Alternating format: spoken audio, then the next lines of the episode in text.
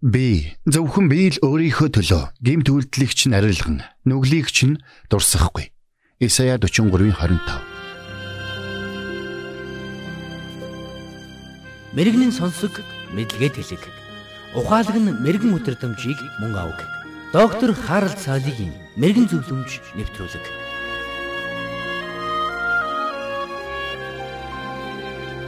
Илгээлтийн эзэн Аалан таваараас нэгэн коммунист улсад илгээгдэн үйлчилж байсан тухайга дурсан ярьсан юм.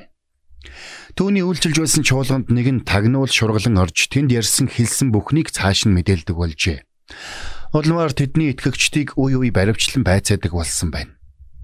Хамгийн гайхалтай нь тэр тагнуул чухам хэн болохыг тентхийн итгэгчид мэддэг байжээ. Тэр бүхэл тэр хүнийг босож төлөөлөн залбирах үед бусд нь мэдсээр байж хамтдаа төрөн залбирдаг байсан гэдэг. Тэр тагнуул цуглааны маш идэвхтэй гişүүнээс гадна тун гэр бүлсэг нэгэн байжээ. Гэвч тэр өглөө бүр цагдаад очиж бусад итгэгчтэй матдаг байсан байна. Нутгийн чуулганы итгэгчид түүнийг мэдээлэгч гэдгийг нь мэдээ зогсохгүй. Тэднийг цагдаад бариулах ажлыгч зохион байгуулдаг гэдгийг нь мэддэг байжээ. Та нар яагаад тэр урагчийг барьж аваад сүмээсээ хөөж орхиогүй юм бэ гэж Траверс тэднээс гайхан асууж. Гэтэл тэд Хэрвээ бид түүний оронд байсан бол яах байсан бол гэж бид бодсон. Тиймээс бид зүгээр л түүнийг үргэлжлүүлэн хайрлахаар шийдсэн. Химэн хариулсан гэдэг. Бусдыг уучлах уучлалын цаана логик огт байдаггүй. Бидний гим нүгэлт мөн чанар бидэнд чамайг хохироосон хүнийг чийж адилхан хохироо. Чамд хийсэнтэй адил зүйлийг түүнд хийх хэмээн шивнж байдаг. Бид гим нүглэр дүүрэн дэлхийн ертөнцийн амьдарч байна. Бидний алдаа дутагдал болон буруу үйлдэлүүд биднийг бусдаас тусгаарлаж бидний хайрыг хорсол үзен ядалтаар сольж байдаг. Үүнхээр бид эргэн тойрны харвал хайрлах зүйл дэндүү бага, үзен ядах зүйл дэндүү их байгаа мэт санагддаг. Гэтэл үзен ядалт нь хагарал хуваагдлыг үүсгэж байдаг бол уучлал, эдгэрэл, сэргэлтийг авчирч байдаг үлээ.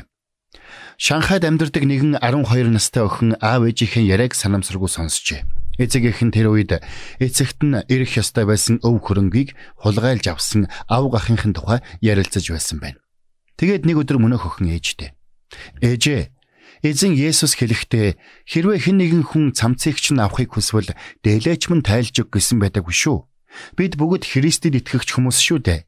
Тиймээс ав гах маань бидний авах ёстой байсан хувийг авсан ч бид түүнийг уучлах ёстой биш гэж юу? хэмээн хэлжээ. Энэ үг ээжийнхэн сэтгэлийг маш их хөдлөгсөн байна. Гэтэл жилийн дараа мөнөх авгах нь ходоодны хор тавдраар өвдөж хэвтэрт оржээ.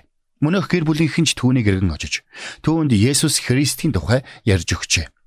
Ингээд тэр хөгшин өөд болохоос өмнө Есүс Христийг аврагчаа болгон хүлээн авч гэр бүлийнхэн ч Есүст итгэх болсон гэдэг. Үнэхээр Есүс Христ өөрөө бидэнд бусдыг уучлах загварыг үлгэрлэн харуулсан. Угтаа бол бурхны эсрэг үйлдсэн бидний гимнүгэл бидний эсрэг үйлдсэн хүмүүсийн гимнүглээс хавьгүй их юм. Гэсэн ч тэр биднийг уучлан өршөөс. Үүгээрээ тэр бидэнд бусдыг ч мөн уучлах ёстойг харуулсан юм. Генерал Джеймс Эдвард Оглторп нэгэн удаа Джон Веслид хандаж би хизээч уучилдаггүй хэмээн хэлсэн байна. Харин Джон Весли хариуд нь тэгвэл таныг хизээч нүгэл үлддэггүй гэж найдаж байна хэмээн хэлсэн гэдэг. Яагаад? Учир нь бүх хүнд эрт өрөө хизээ нэгэн цагт уучлал гуйх цаг заавал ирдэг.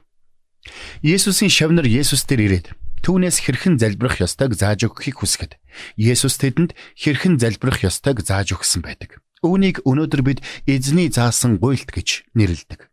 Энэхүү залбиралдаа эзэн Есүс уучлал өршөөлийн чухлыг бидэнд сануулсан байдаг. Гэвч шавнарт нь энэ үг тиймч таатай санагдаагүй. Тиймээс эзэн Есүс үргэлжлүүлээд тэдэнд Хэрв та нар хүмүүсийн алдааг уучлбал Тэнгэрлэг эцэгч нь та нарыг мөн уучлна. Харин та нар хүмүүсийг уучлбал эцэгч нь мөн алдаагч нь эс уучлна. Матай 6:14-өөс 15 химэн лавшруулан хэлсэн байдаг. Бусдыг уучлахаас татгалзагч альва хүн хожимын нэг өдөр давах ёстой тэр гүүрээ өөрөө шатааж байдаг юм шүү. Тиймээс та энэ тухай өнөөдөр нэгийг бодож хоёрыг тунгаагаарай.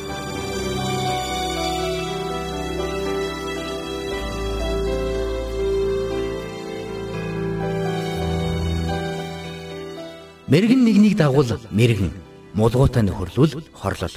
Доктор Харалт цайлигийн мэрэгэн зөвлөмж нэвтрүүлэг танд хүрэлээ.